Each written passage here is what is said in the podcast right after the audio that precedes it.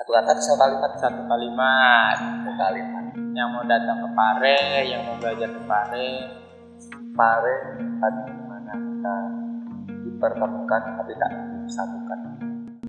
Oke guys, kembali lagi di podcast Cerita Nata. Setelah sekian lama kita nggak bikin podcast ya, akhirnya kita bisa juga nih buat podcast. Soalnya narasumbernya sibuk banget guys, luar biasa akhirnya ya.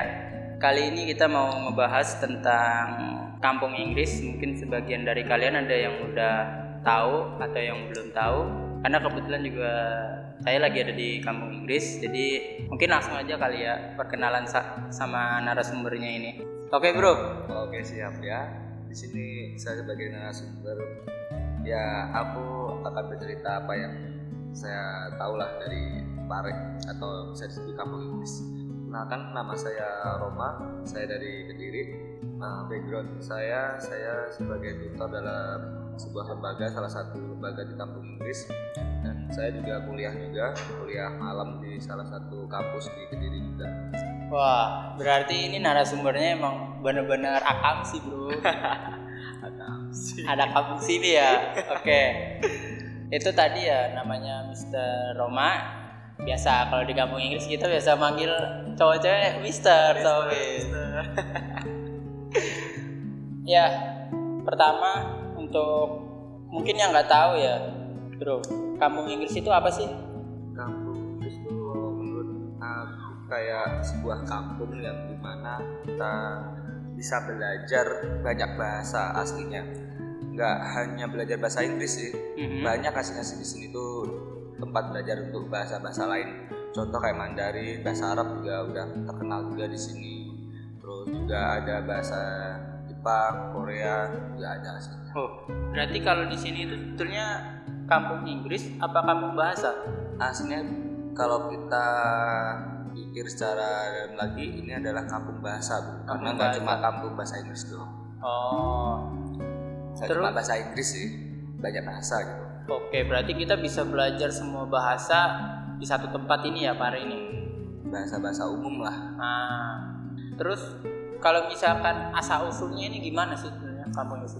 asal Kayak usul penemunya itu siapa?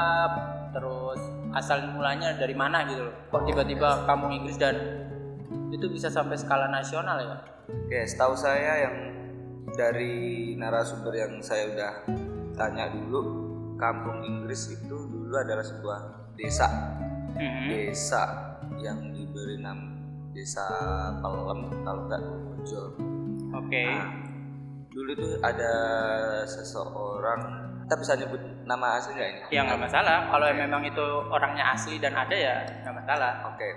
Jadi awal mulanya dulu tuh kampung ini ada yang namanya kiai, ada seorang kiai yang mempunyai pondok yang kiai tersebut bisa menguasai beberapa bahasa. Oh, oke. Seru juga kan berarti ya, teman kiainya pinter kan. Iya.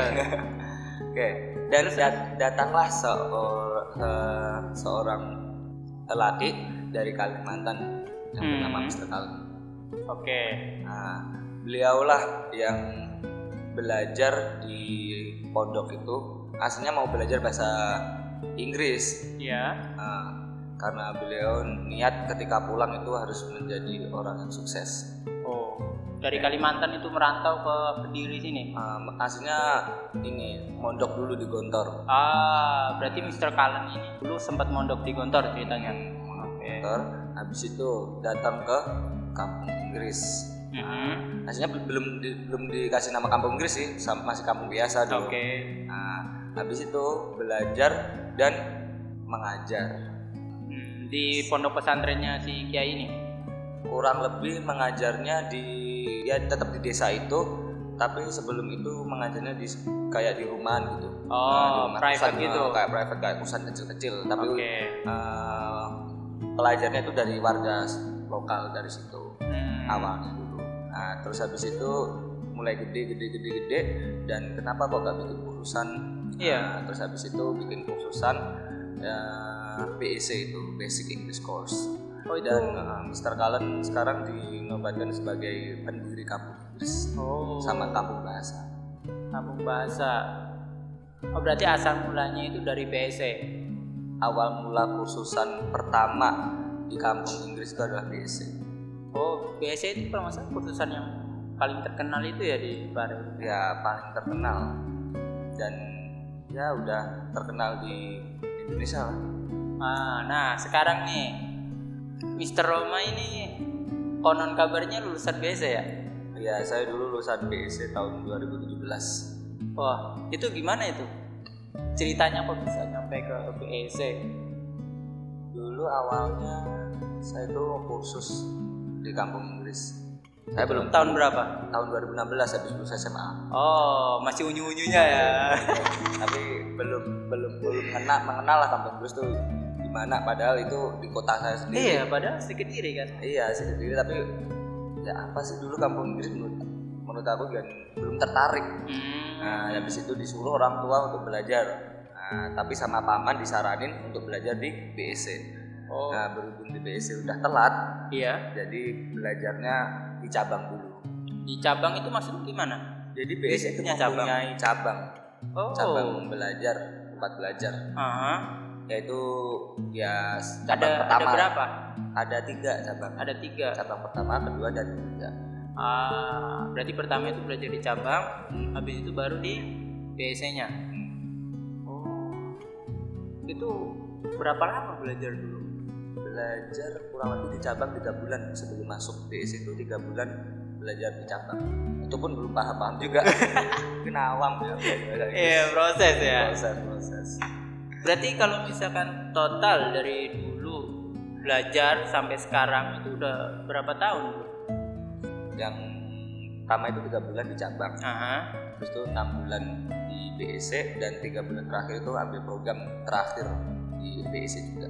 Ah, Total ya hampir sembilan setahun. setahun. Setahun itu Oh, berarti belajar.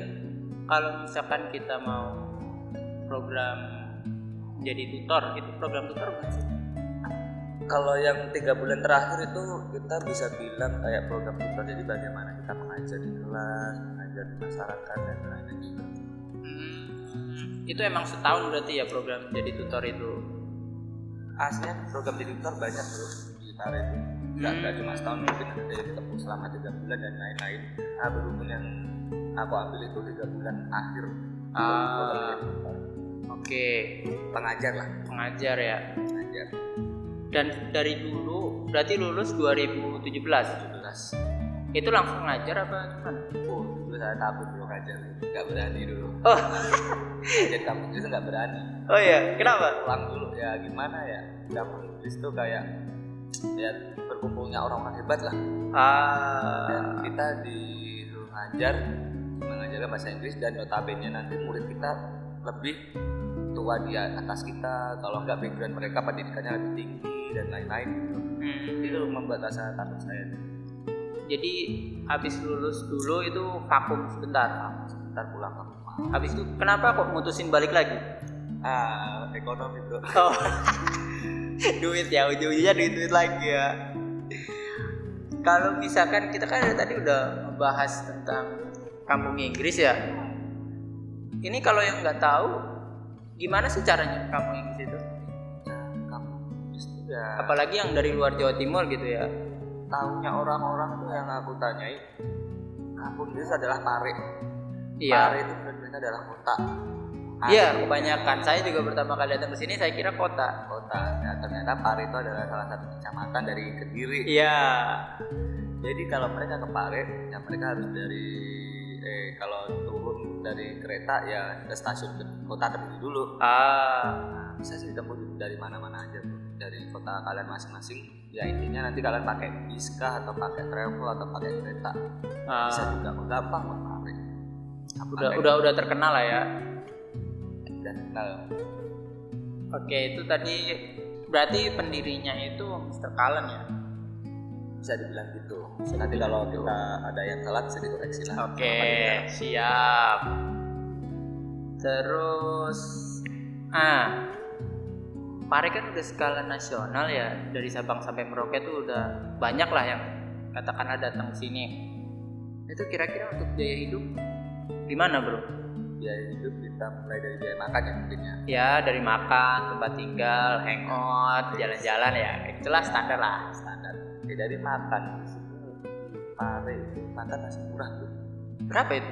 kamu makan lima ribu aja udah dapat nasi sama telur Wah, nasi sama telur. ya, ayam geprek aja sepuluh ribu delapan ribu udah dapat Oh, murah kan iya Kita murah banget itu. iya Saya juga pertama kali datang sini kaget ya. Saya kira udah mahal ternyata desa ini. iya harga desa tapi Harga desa. rasa enak Iya, iya, iya, iya. tapi kadang kebanyakan anak-anak juga nggak cocok mulutnya lidahnya lah mungkin Ah. penyesuaian Itu dari, berarti kalau dari segi makan masih Masih terjangkau. sepuluh ribu lah ya. Hmm, masih udah udah dapat kadang juga dapat plus es teh kalau nggak es jeruk Ah. Terus kalau dari tempat tinggal gitu? tempat tinggal itu macam-macam kadang lembaga itu menyediakan kayak camp plus campnya juga kadang Nah, lembaga nah, ini juga gimana nih?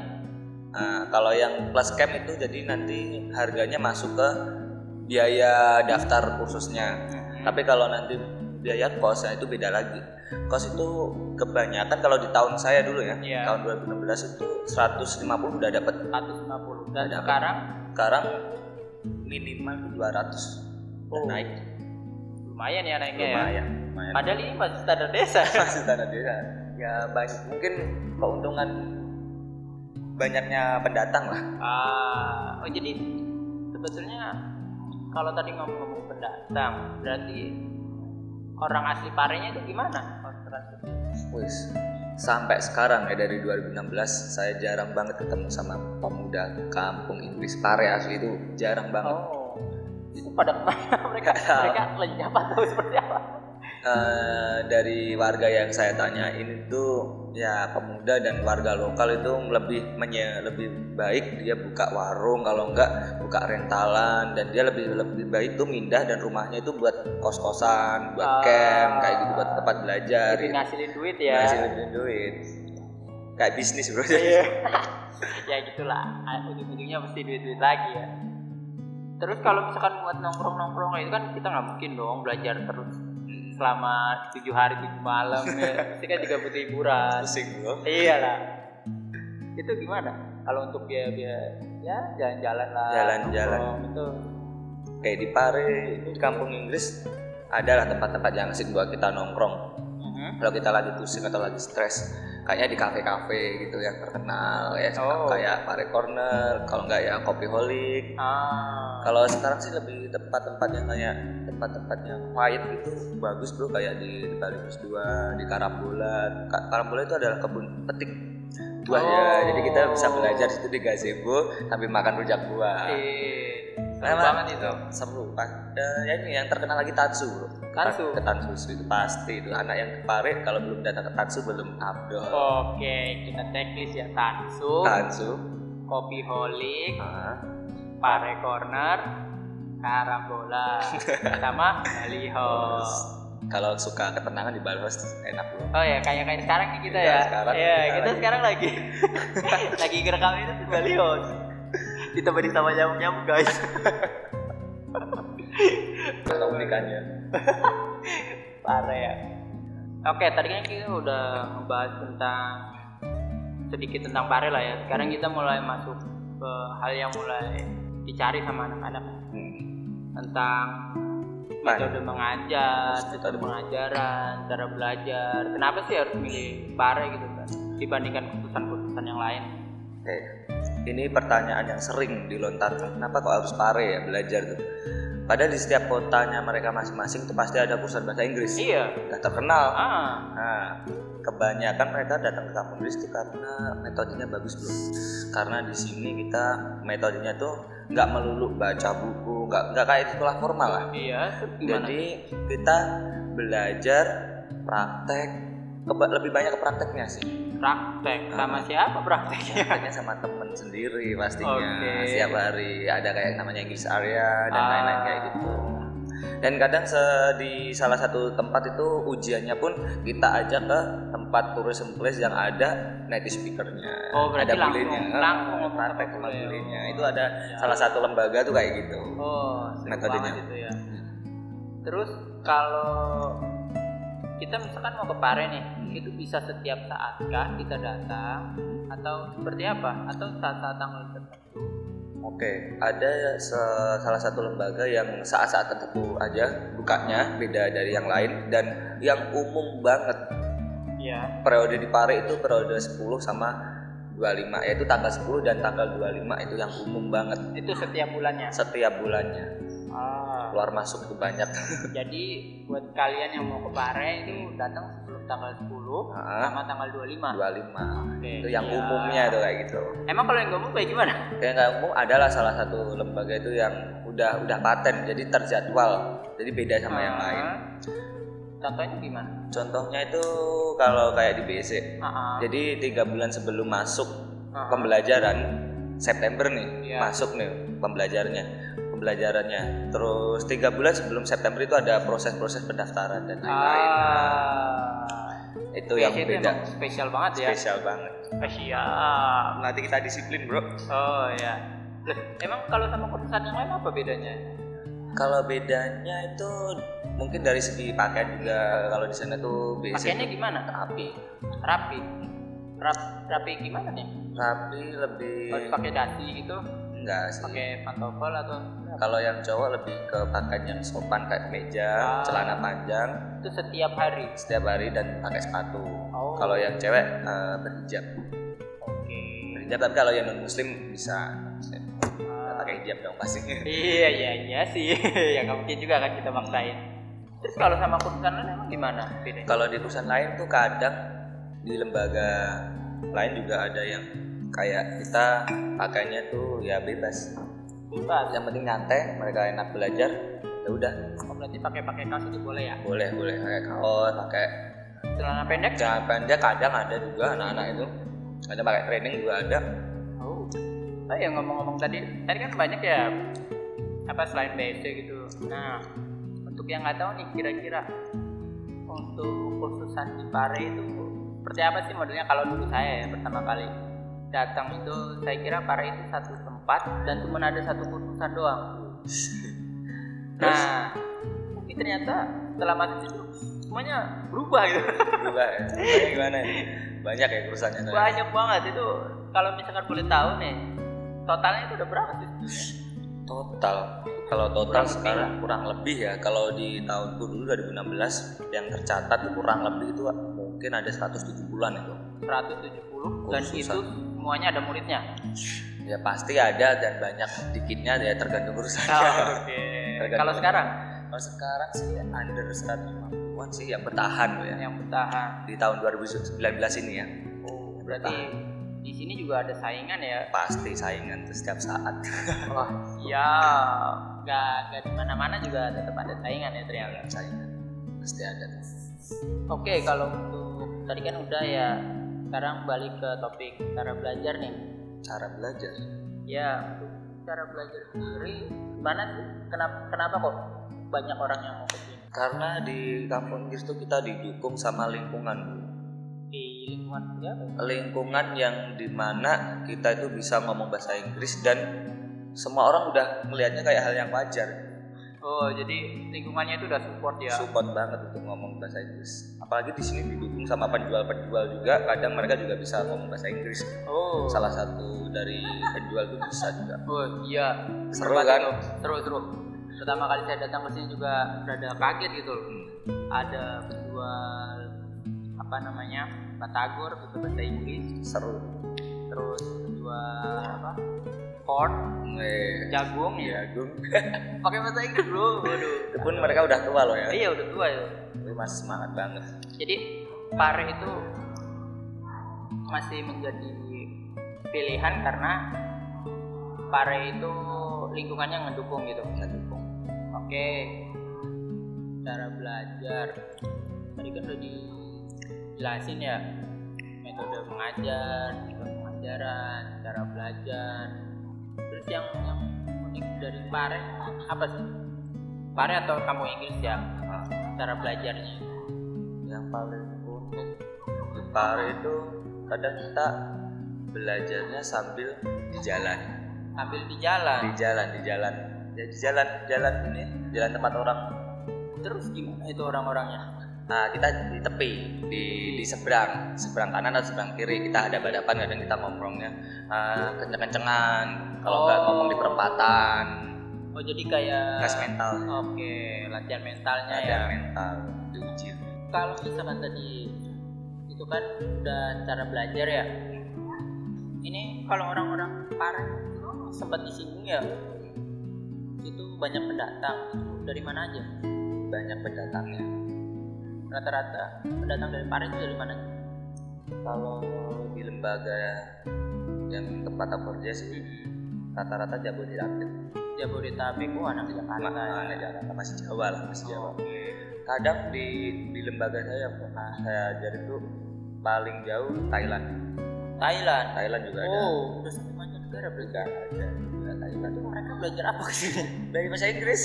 Belajar bahasa Inggris. Serius. Tapi mereka belum belajar bahasa Inggris disarankan untuk belajar bahasa Indonesia dulu. Ah, cukup aneh sih. Aneh.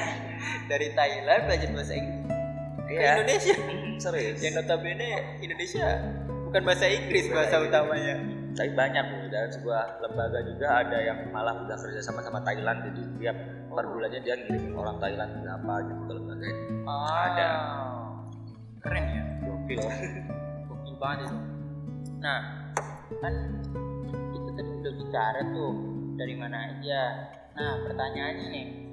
Sejauh ini kan kalau kita ngambil kursusan di Pare gitu ya, bukan di Pare kursusan yang di kota masing-masing gitulah. Ya harganya kan lumayan tuh. Ah, kalau untuk di Pare sendiri gimana itu? Kalau setahu ini kisarannya kisaran berapa sih range-nya? Eh, tergantung periode tergantung ini program yang diambil paketannya di sini programnya per Oh, paket ada paketannya. paket, ada paketnya Itu gimana itu paket?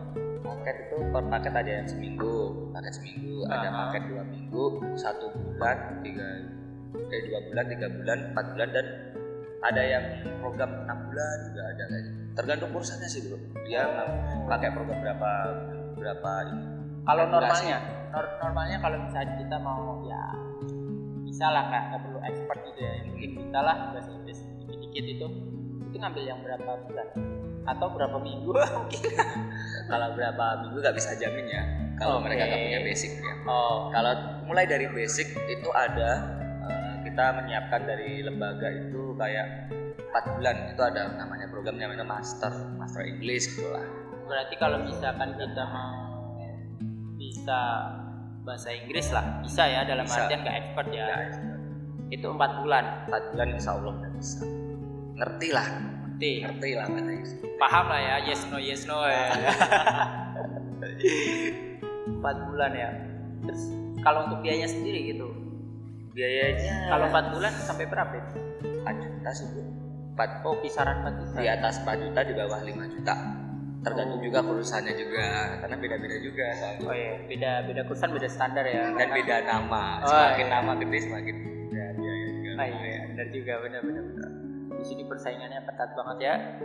Untuk kursusan itu banyak yang buka tutup ya. Tapi tuh sering kayak gitu jatuh bangun sering Ah, terus kalau ini waktu waktu waktu yang paling tepat buat kita ke Pare itu ada ada nggak waktu-waktu khusus yang misalkan oh, bulan-bulan ini paling nyaman bulan ini. Waduh kayaknya jangan di bulan ini deh atau seperti apa gitu. Oh, ada nggak kira-kira? Kalau kita mulai dari Januari aja. Oke. Januari Februari Januari masih rame. Rame dalam artian? Masih rame itu anak kuliah. Oh kuliahan Februari. kuliahan ya? Nah, itu masih rame anak-anak. pusat-pusat kuliah kalau nggak anak liburan kuliah masih rame oke. Kalau udah Februari Maret April itu agak sepi. Februari Maret April. Ah, itu udah sepi. Sepi. kalau misalkan kita mau belajar di Pare ini enaknya sepi apa rame? nah itu tergantung juga si pembelajar juga. Oke. dia tipe pembelajar yang gimana. Oh, mau yang tipikal rame apa yang sepi ya? sepi itu juga bisa. Oke, balik lagi. Februari, Maret, April itu sepi. sepi. Sep- Sepi, sepinya gimana nih maksudnya nih? sepi dalam artian ya orang-orangnya yang datang ke Pare itu agak sepi agak berkurang sih bukan sepi agak berkurang. Ah, karena ya mungkin yang datang itu rata-rata orang-orang yang mau cari kerja orang-orang tua. Ah. Nah, bapak-bapak di gitu. atas di atas 20-an lah rata-rata itu Oh, oke. dosen-dosen gitu ya? Ada juga. Oh. Oke. Jadi kalau buat kalian yang mau kenalan sama dosen bulan-bulan itu ya paling Bulan-bulan itu banyak oke kadang juga orang yang mau keluar negeri kerja itu oh datangnya bulan itu? bulan-bulan itu. Terus Oh. kadang dosen yang mau lanjut S2 ngejar tuh ngejar Aisyah itu ada ah datangnya bulan itu ya? Terus eh, tadi kan bilang tuh rame sama sepi nah kira-kira nih kalau untuk di Pare sendiri itu paling rame itu datangnya maksudnya gimana ya? Kayak gini apa namanya di Pare itu normalnya berapa sih masuk berapa pendatang keluar berapa karena kan tadi juga sempat disinggung ya kalau di Pare itu modelnya khususan periode gitu nah itu kira-kira nih kalau yang udah baca dengar semester. itu per periode Aha. dari seluruh lembaga Iya. tercatat di kampung Inggris itu 3000 peserta keluar masuk per periode. Oh banyak banget ya itu yang saya baca. Dan mungkin bisa lebih juga karena sekarang juga aku lihat juga rame gitu Ah, sekitar 3000 wow rame dari banget ya? lembaga Oke, oke lanjut lagi ke bulan-bulannya itu tadi. Januari, Februari, Maret, April udah. Terus? Mei itu ya tergantung biasanya kan kalau bulan Ramadan itu naik naik terus ya bulannya kan oh iya itu mendekati Ramadan ya. Bulan Ramadan itu juga rame bu Ah. Kalau periode Ramadan namanya Oh, Paket Ramadan. paket Ramadan. Itu rame. rame itu anak-anak anak sekolah Wih. gitu, anak SMP SMA Oh iya kebetulan saya juga datangnya pas itu ya. pas bulan lain Kan tahu. nah, rasain kan Iya, puasa unyu-unyu banget. unyu-unyu banget. Banyak yang berantem, banyak yang lari-lari, waduh gak jelas banget. Tapi seru, seru, seru. dan akan Ya, itu sampai bulan apa itu, kecil pada datang? sampai sebelum Lebaran Sebelum lebaran. dan mungkin habis Lebaran itu ada lagi paket paket liburan Oh, Juni Juli lah Juni, paket Juli. liburan nah, Juni sih biasa hmm. paket liburan anak-anak sekolah Oke, habis itu lanjut ke bulan. Agustus Ah, Agustus kalau tahun ini kayaknya juga standar sih stabil Standar. stabil Ah, daripada berarti nggak rame, nggak rame juga nggak nggak sepi. So-so lah ya, biasa-biasa aja. Terus habis itu September, September gimana? Oktober November itu periode periode anak SMA aja Oh, SMA. anak lulusan SMA anak-anak korban SBM Aduh. tinggal di mari kampus dan Waduh. pamit belajar daripada nganggur di rumah jadi jadi beban keluarga emang ya itu ke sini aja guys. itu. Nambah ilmu, nambah koneksi juga. Banyak-banyak hal baru yang bisa dipelajari di Pare itu. aman Iya. Nah, itu tadi ya pembagian tingkat kepadatannya Pare karena kan Pare tadi ya periode 10 atau 25 itu 3 ribuan ya kurang lebih. Nah, untuk ini kan tadi lumayan ya sekitar 4 sampai 5 juta tuh kalau uh, untuk empat 4 bulan. paket Paket itu udah termasuk apa aja?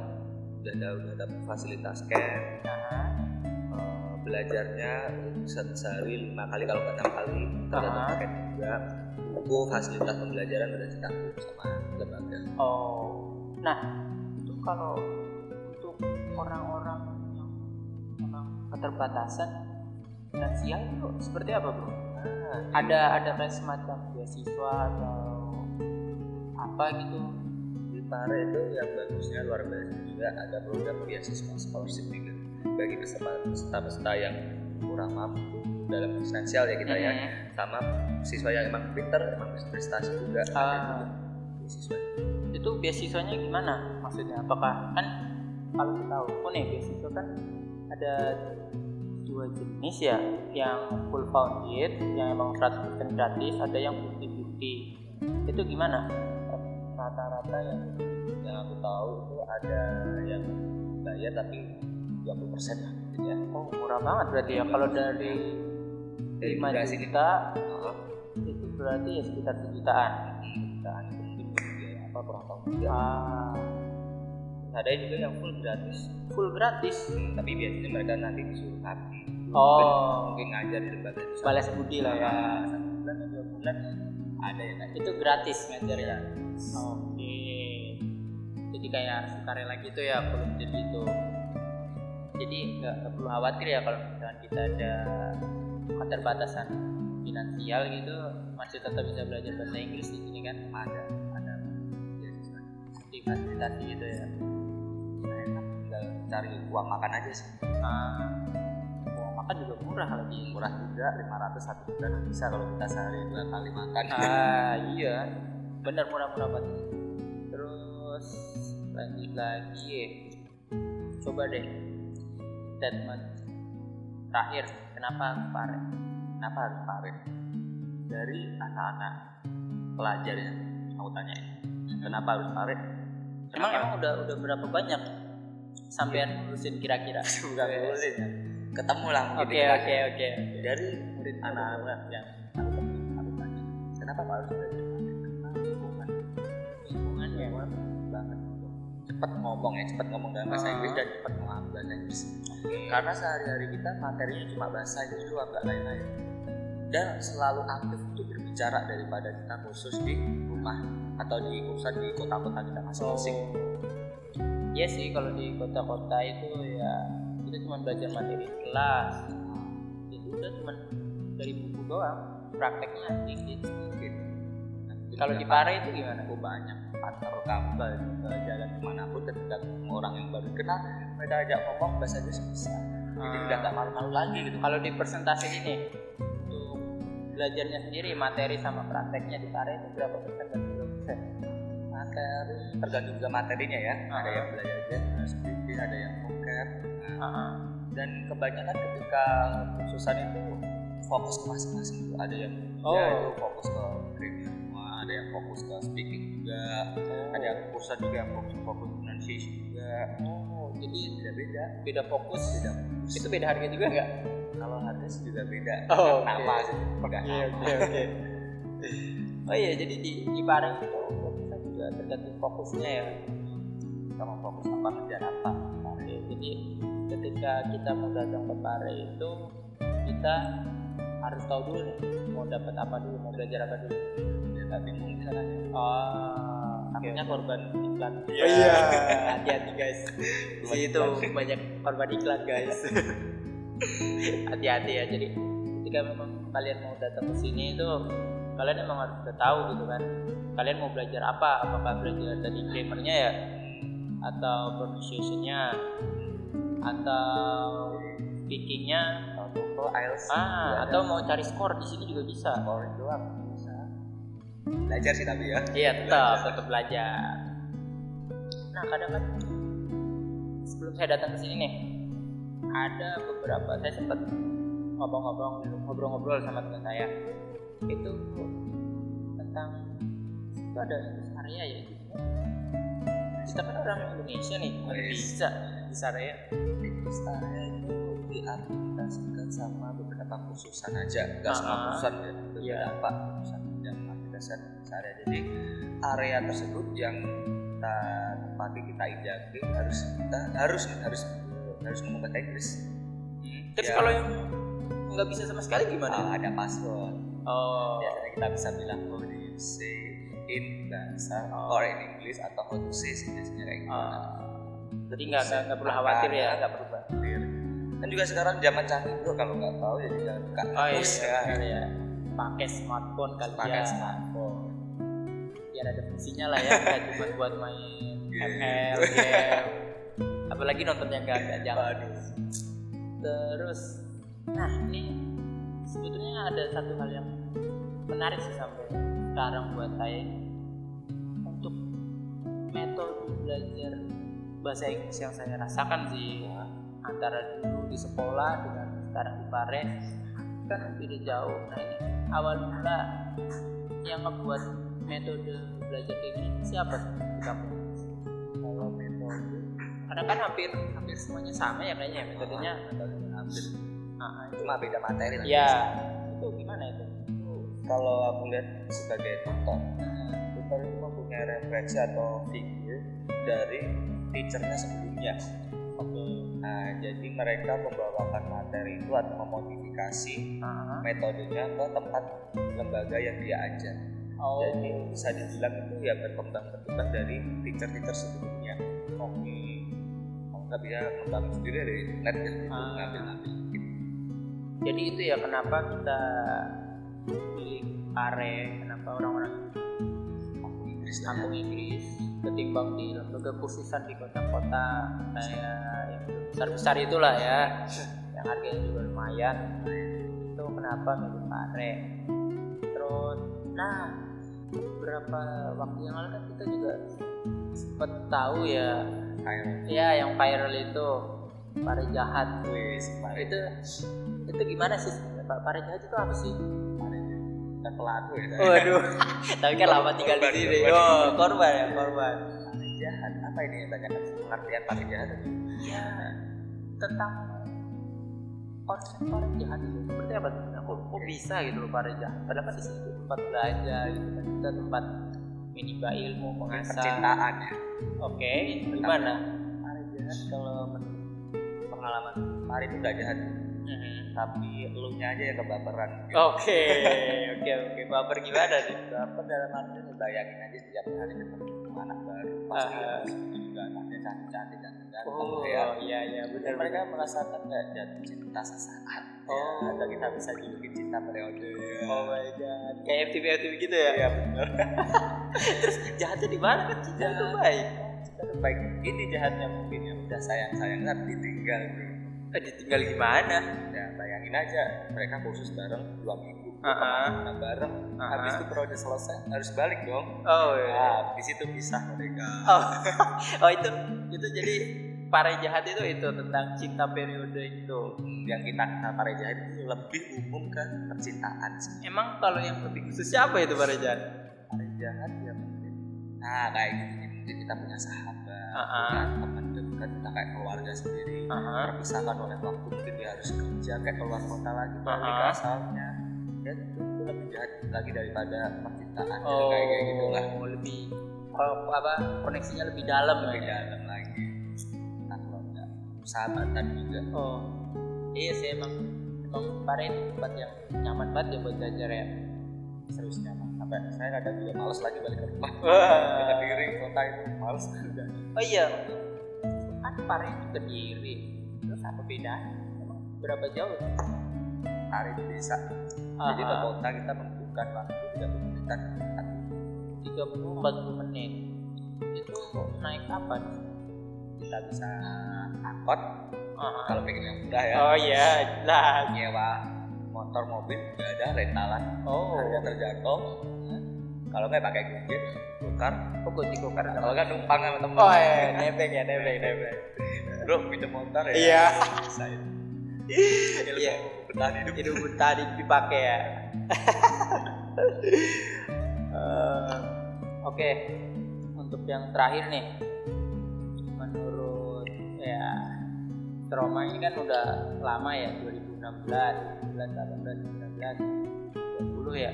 Eh, mau mau. Mau mau 2016 tahun depan kalau masih hidup. Iya sekitar 4-5 tahun ya di Pare ini. Dan udah melalang buana kan udah, udah cobainlah usaha-usaha atau kenal juga. Oh iya. Cobain. Ya ini tutor kece guys. Ayo kita amin amin. Kita bikin bikin janjian aja lama banget oke itu kira-kira satu kalimat ya buat Pare. Empat tahun yang udah lama tinggal di Pare itu Pare itu mana sih? Satu kata kalau jaga niat. Jaga niat jaga niat. Dan jaga niat. Kepar itu ngapain? Oh tujuannya lagi kembali ke tujuannya ya guys. Karena kalau kalian yang bisa jaga niat selesai nggak dapat apa-apa nggak ya ada apa apa uang habis ke bawah teman Natal dan lain-lain. Oh iya benar banyak dulu kemarin kan benar benar benar sisi Jadi, lain sisi lain Pare itu waduh keras gitu keras dia benar-benar keras. keras keras. mungkin bisa dijelasin kerasnya gimana? Kemarin juga tempat pelarian. Oh iya pelarian segala macam orang. Ada yang ada juga yang kriminal kriminal juga ada yang ya malam juga ada. Oh, udah malam ya. Iya itu hati-hati. Kalau kalian masih di atau misalnya misalnya SMA hati-hati oh iya benar-benar itu bahaya banget. Jaga niat jaga diri. Jaga niat sama jaga diri ya. Oke mungkin eh, satu kata terakhir deh buat teman-teman. Satu kata buat Ah, ah. yang mau belajar atau yang untuk mengingatkan. Yang mau datang ke Pare atau mau belajar bahasa Inggris kan Roma sendiri udah pengalaman kan. 4 tahun ya 4 tahun ya 4 tahun ngajar. Apa tiga tahun ngajar? Tiga. Masih ngajarnya satu dua tahun mau nih. oh dua tahun mau. Kalau satu kata buat satu kata bisa kalimat satu kalimat kalimat yang mau datang ke Pare yang mau belajar ke Pare. Pare tadi dipertemukan tapi tak disatukan. Iya karena periode tadi itu ya. Ya periode itu kalau kita kalau mereka kita kalau tempat buat belajarnya pare itu tempat tempat nyaman untuk belajar apa pun sih. Karena background teman juga bagus orang-orang pintar juga banyak. Iya dulu saya sempat ketemu. Calon dosen ya calon dosen, dosen, calon profesor, guys di sini guys. itulah salah satu kata buat pare itu Music. Jadi bayangin desa bro pare itu itu sih kayak bisa gitu. banget. desa yang ini udah nasi udah apa ya Dan rasa kota ini. desa kota Standar desa tapi rasa kota. Itu amazing Kalau dulu kan udah lama nih ngajar. Hampir 2 tahun setengah ya ngajar. Itu hal-hal aneh atau unik apa sih yang pernah dialami selama ngajar di lingkungan kampung Inggris atau ikut kursusan di kampung Inggris? kalau anehnya dan unik dari pesertanya ya Iya, mereka kita, kan pasti punya background masing-masing Ah. yang notabene mungkin belajar dari nol banget iya, udah ada yang separuh udah bisa Ah. udah punya basic yang paling unik mereka tuh nol banget dan tapi mereka punya semangat banget semangatnya ngalah-ngalahin yang udah bisa. Jadi kadang yang bisa tuh remehin oh, terus kesalip deh sama yang bisa yang belum bisa yang kita belum bisa tadi ya. itu tadi. Terus kendala-kendalanya kadang ya biasalah sini mungkin udah tahu kalau kursusan itu adalah lembaga informal. Jadi mereka juga kadang seenaknya masuk juga juga terserah mereka gitu pikirnya mereka tuh kayak ya udah saya udah bayar gitu jadi masuk atau enggak urusan saya Ah, gitu kadang mereka mindsetnya ada yang beberapa kayak gitu karena udah bayar ada duit ya udah lah ya terserah lah ya. tapi nanti ujung-ujungnya kalau nggak bisa nyalain lembaga Iya, jangan kayak gitu ya. jangan kayak gitu, ngeri gitu. Terus kalau itu kan tadi yang aneh, yang yang, yang paling berkesan selama ngajar. Ustad kalau Lu pernah nemuin apa? Kalau sebagai tutor gue ya bisa ngajar dosen gitu loh Oh ya iya. notabene kalau aku kuliah ya ada dosen ya mereka ke sini apa aja nih Iya iya iya iya balik ya dikerjain ya. kalau dari dari pengalaman ngajar saya bisa diambil gitu. Eh, sekali sekali ya Sekali-kali. jadi dosen jadi dosen biasanya disuruh. Oke oke oke oke. Cukup menarik. dan menarik lagi di sini ada program yaitu belajar bahasa Inggris sama penjual pedagang Jadi pedagang-pedagang itu difasilitasi sama salah satu lembaga itu untuk belajar bahasa Inggris Jadi Gratis? mereka- gratis pasti Oh. jadi mereka ketika melayani pembeli mereka ngomong bahasa Inggris tuh Oh. kan seru Oh iya kayak yang dulu pernah saya temuin itu ya pedagang jagung, dan apa tabur tagor, cilok, banyak pedagang sini. Apa sih yang orang harus tahu tentang Pare? Mungkin ter terkait program-program di Pare itu bedanya apa sih sama sekolah formal yang lain? Kayak ya ya yang membedakan gitu loh. Kayak tadi di area ya pertama itu terus apa lagi? untuk menjawab semuanya ya ah. atau untuk meng- ngasih atau pesan dan pesan Ah, untuk semuanya. Jadi pare itu belajarnya pembelajaran itu juga menarik juga gak English for fun juga. Dan juga untuk memahami itu cepat karena lingkungannya Iya. dan didukung sama tutor-tutor yang friendly lah kayak gitu jadi nggak tergangguin di kelas itu Iya Nah, benar-benar. terus juga buat teman-teman yang mau belajar di Paris itu jangan lupa kalian juga jalani juga ke Paris kalau mau belajar belajar kalau mau main doang ya main karena kemarin nemuin cuy Iya. dia niatnya liburan doang ke sini Ah. jadi udah masuk ke ke, ya. ke lembaga dan nggak pernah masuk ditanya liburan ya Eh, udah siap. Orang kaya ya ya orang kaya bebas ya di sini mah. kayak kayak gitu sih terus jaga niat dan ya kembali ke diri sendiri kalau belajar karena semua di sini fasilitasin tapi ketika kita udah difasilitasi kita nggak menggunakan dengan baik ya sama aja nggak ada apa-apa Percuma ya. Kita juga bohong ya. Oke mungkin untuk sekian teman-teman pembahasan cerita-cerita ya buat cerita-cerita singkat kita sama narasumber kita Mr. Roma. Sekian dan sampai jumpa. Bye bye. bye bro Bye. oke lagi ya bro ya asik ini